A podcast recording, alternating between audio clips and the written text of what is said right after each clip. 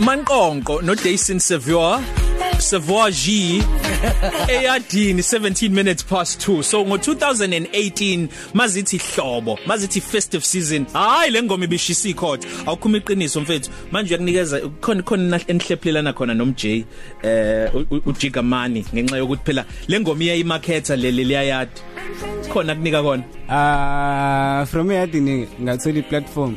Oh, i-platform. Yes, only. kodwa uyakubonga impilo yakho yonke ukuthi wayenza leyo ngoma noma nje uthi hayi no but uzenzela ingoma nje mina ngizokunika i-platform hayi ngoba ngisizakala Hawu. Wajabula ubaba. Wajabula. Nami ukuthi ngenze ingoma.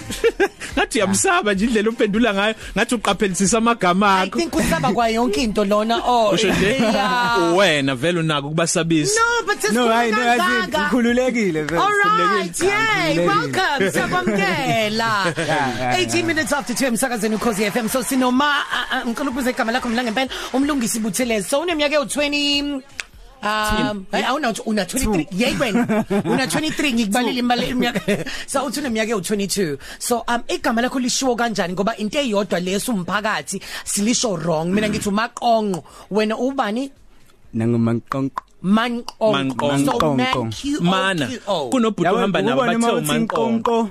ya Umanqonqo. manqonqo umanqonqo Exactly. Yeah, umanqonqo thela.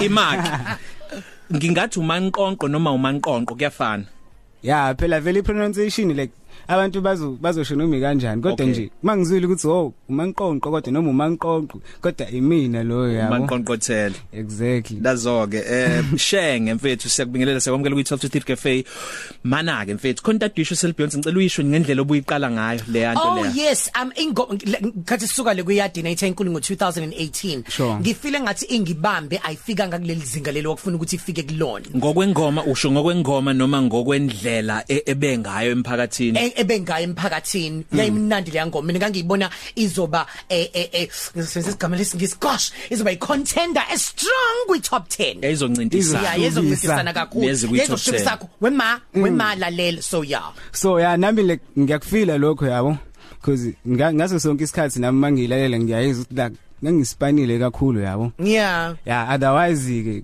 ayizange izifike la khona nami yadu ukuthi ngifuna yeah ukuthi i ifike get khona wema cause imnandi leya ngoma oh you Imali understand Eh, yabo. andlise ngamapipe lawo amapiano yeah wena amapiano afikile wona yabo sure yeah afikile kodwa ke hayi mina ngiwachichiliza yeah awunankinga hayi anginankingi awuzoshintsha istyle uthi kuya kuyela ngakuwona sengike ngalenza ipiano okay yeah so yeah ukuthi vele mina ngiversatile yonke igenre nje ngiyakwazi ukuthi ngiyishaye yabo Yeah. otherwise mina ngistick to ihouse and this year ngifuna ukustick kakhulu uma usaqala to afro pop mhm yeah yeah so ngifuna nje ukuqala ngegenre pholile kamnandi ngithi afro pop then mawusunyaka uqhubeka ngibuyele esigubhini Uyiqale Kube njalo. nini yonke lento? Uqale nini ungena kumculo? Ubani wakutshela ukuthi ngine emculweni? Wangena nini ukuqala a- a- e-studio?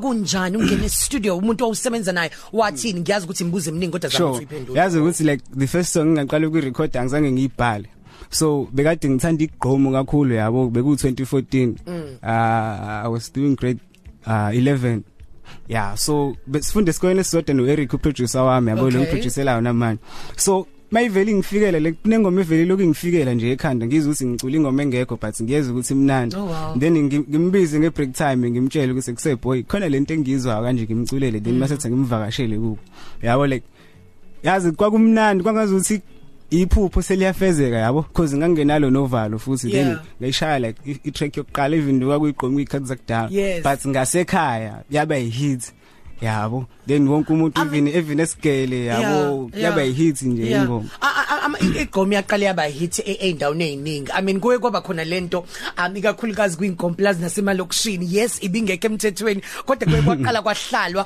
ebese kuba nama house party koma forum. plus ya- yayithi oh. mina negqomo hayi hayi hayi Wema. hayi hayi kuvale ku forum ngiyazi ukuthi kasibani bani lehlani mgqibela isonto emdondolo waselindelani lalele ke Hey. kaze ziwe uyizwe khona ukuthi wema asingicikile zingoma kodwa ivibe imnandi yeah so kwaqhubeka nje yabo then ngalowe ngiushaya umculo ukuthi ngathi mangifika kuEric ngathola ukuthi amagazethi ayafana yabo naye indlela uthanda ngayo umculo indlela engiwuthanda ngayo nami and naye uversatile kwiproduction Mm. Yes. ayikho ijeni angakwazi ukuthi ayiproduce Yeah. kanti nami ngithanda ukuthi ngicule nomayini yabo Yeah. so mangifikele noMappy chorus ngimculela uBoy ash- aproduce yabo so sivamsile ukuthi senze nengoma engabhori Yeah. Uzobuya sitshele futhi ukuthi uzizwa kanjani njengoba ivideo yakhe yale ngoma desidlala eyadini sifinyelele yabukwa abantu abangaphezulu ka 2.6 Oh, million wow. ku YouTube nokuthi kumngenisele emalini lokho loyo umlungisi Buthelezi simazi ngomanqonqo sihleli naye kwi 12 to 3 cafe.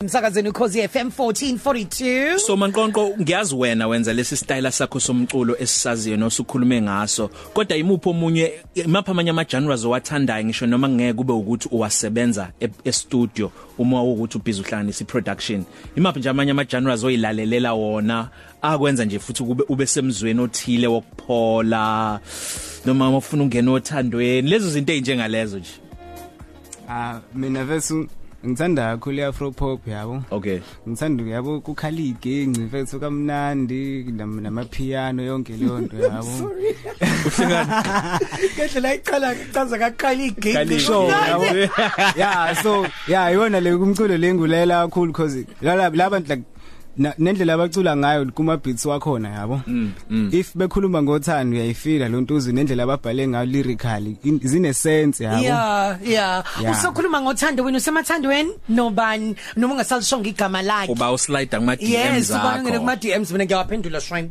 yeah ngikhona emathandweni yabo and Oh. nginendodana nje encane ina 6 months Oh wow. igama lakhe umpilo enhle oh Hayibo so ngizogcina nje lapho yabo Sizinjani siya breaking sengitheni Yeah sesinga- sesingabuya ke manje ukuthi khona nje Yes. leya- khona le yanto ngegama landodana ka- kaManqonqo senze angazi kwenzakalani Yeah. kodwa sesibuyile ke 15 minutes before 3 sisakhuluma ngawo nje umculo nokuthi hayi nje ukuthi usuke Manqonqo u- ulungiselela ukuthi uzokhipha into ezothandwa abantu emakethe kodwa kuwena kuba into ezokupholisa ikakhulukazi ngaloko kwenzeka ku2017 mawuphela no2018 ya ya wawumubi kakhulu yabo nje leyo period leyo eish but then yangiqinisa kakhulu kwenzalani yabo cause mangingakuchazela nje ngoNovember yabo 2017 ngashiwa yitime yabo then ikwathi mawuqala unyaka nakhona lingishiya itime nje ioledi nalo ngazi ukuthi lizohamba at the same time yabo ya otherwise nginethemba ukuthi hayi kuzoba right kuzoba right waqala unyaka yaqhubeka yaqhubeka so ngilinakekela nje ngenza everything to umuntu wesifazane ongasakwazi ukuthi azenzele Yeah. yabo so kwathi mawuqhubeka unyaka then zathi June ayi naye wavele walilandela itime yabo then lapho ke ke ngalesikhathi ngisazilile nje ngicabanga ukuthi ngangine anger eningi then ngathola umculo ungijabulisa nje kakhulu ngangena e-studio ngafika uEric ededele ibeat enzima lapha ya Mm. avele ngashaya yabo ngishaya yadini hit nje ngangifa inside like Yeah, ngangidead yeah, yabo yeah. otherwise ukuthi umculo ngangiwuthanda because it was the only thing engangibona ukuthi njengamanje Ungaphila ngayo. ngiyayenza yabo and Ipre- yenzeka I i- pressure yokuba u- u first born ukuba uyena umaqala ekhaya ngoba uma umaqala ngiyazi ngami ngami mina ngazi Sure. ngami ukuthi em yonke into isuke ibheke wena you know like um everything makuphela lokhu Yes, ubheke yonke wena makukhona mhlawumbe ungazwani ngasolinye ngabantu thizeni kumele ube wena phambili ube umzali Uvele ushintshe ube mdala Yes, nje, ushintshe yabo? ube mdala and then futhi a- a- aku- akukho isikole la isikisa khona ukuthi hambe ukukhulisa Sure. kanjani wena u- uhla- u- u- uyi manager kanjani lezo zimo lezi eish yabo so angazi ngadalwa ngabe umuntu okwaziyo ukuthi abe nomoya ophansi yabo so noma ngathiwa kunzima kanjani but then angifuni ukugive up ngicabanga ama ideas ukuthi ngiphuma kanjani la cause ngiyazi ukuthi kunezingane lezi ezincane zasekhaya sibheke mina Yeah. yabo akekho omunye umuntu ezihamba eziyokhala kena ngisho umakhelwane so kufanele mina ngiqine ngaso sonke isikhathi so nje sengaze ngajwayela sengimdala ngokomqondo Mm. ubusachaza Yeah, nawe kakhulu. through uh, ukuthi akuseni manqoqo kuphela nawe kanye nabanye uthe usapatanisa umzali ubekhona Yes. ya ekuyena and yabo la lesimali. ekhona yabo E ioledi la ekhona sekuqala ukuthi kuyahlangana Kuyahlangana. yabo sengivela naka TV kancane Yeah. yabo hawo velwa manje yabona nakuwena So- through kwenzeka kanjalo Yana kumele kwenza kanjalo ngo2013 umuntu eseqala nje impela ukuthi eh, okay siyazi ukuthi vele ukuthi ufuna ungena la ungenile siyabona khona ukuthi okay asikakatholi yes siyayibu- siyayibona ithelo kodwa akakavuthwa ngalendlela ukuthi Sure. uvuthwe ngayo njoba sekuvuthwe ngayo manje you understand And otherwise then- futhi lento mhlawumbe isuke inesikhazi because yabo bevele bahamba emveni kwalokho mase kuvele izinto ivele Yes Ubone siyafuneka ukuthi, ngale ndlela hey, ubona ukuthi hayibo yazi Sure. Yeah, sithi yeah. mhlawumbe kusuke kuvele kufanele ukuthi kwenzeke kanjalo ngendlela yamdala Mm, akumele ukuthi Yeah. wena ke manje ngoba usususelelwe inselelo yokuthini ukuthi ungabaphoqa ukuqhubekele phambili. exactly Right. Yeah. kulengoma esidlalayo manje ngaphansi uNosbo F no- eh, kanye noBig Zulu okusho ukuthi ke usabalele emculweni wakho uthi usebenze nabanye abaculi usitshele ngale ngoma Ntikiwe thinkinga lengane zingifuna imali so hayi ingoma nje leyo nje yobumnandi yabo ukuthi Yeah. nje u- ma uhappy uvela uicule uyiphumele uyoginqa amakane nabangani bakho kamnandi yabo Letikane letikane okay so ibapha abanye mhlawumbe ongafisa ukuphinda usebenze nabo nje eningizimu Africa noma eAfrica naphesheya kwezilwandle Mm.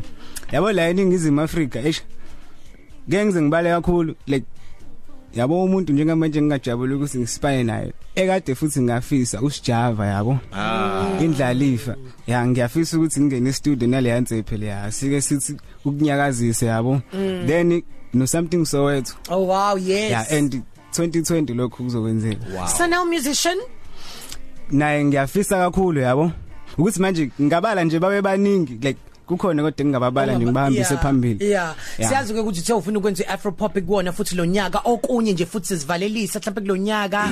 and yabo ukuthi ngizodrop nje kune kunengoma ethethli yakhona ithi dololo Yes. yabo so ngiyenzile iproducer uEric yabo so afropop yabo mayidlala uEric ukathi kuqhuma umsombosiya Yes. yeah ikanjalo nje Sikuthola kanjani enkundleni zokuxhumana maqonqo? okay it's mankonko m a n q o n q o _rsa instagram na ku twitter eh, facebook page nangu mankonko Fisela konke okuhle yes. should join amela ukhohle ukuthi yokuqashwe kwaMax aka max hey ikhona ngibambe ikhona lezinye ingoma ima ukazi uqashwe khona asenge ngaperforma kulo ule ku bearings Waliculi- umalume wekade lontsha lapha ialbum yakhe no sashaya ngibambe phela lapha abantu abantu babeyilindela I'm And sure ngathi ngiphuma abantu like bangibuka Awu, awu, usugegile.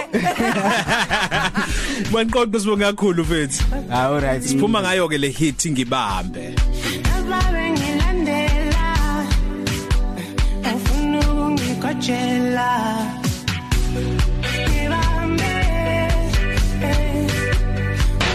Positive Cafe.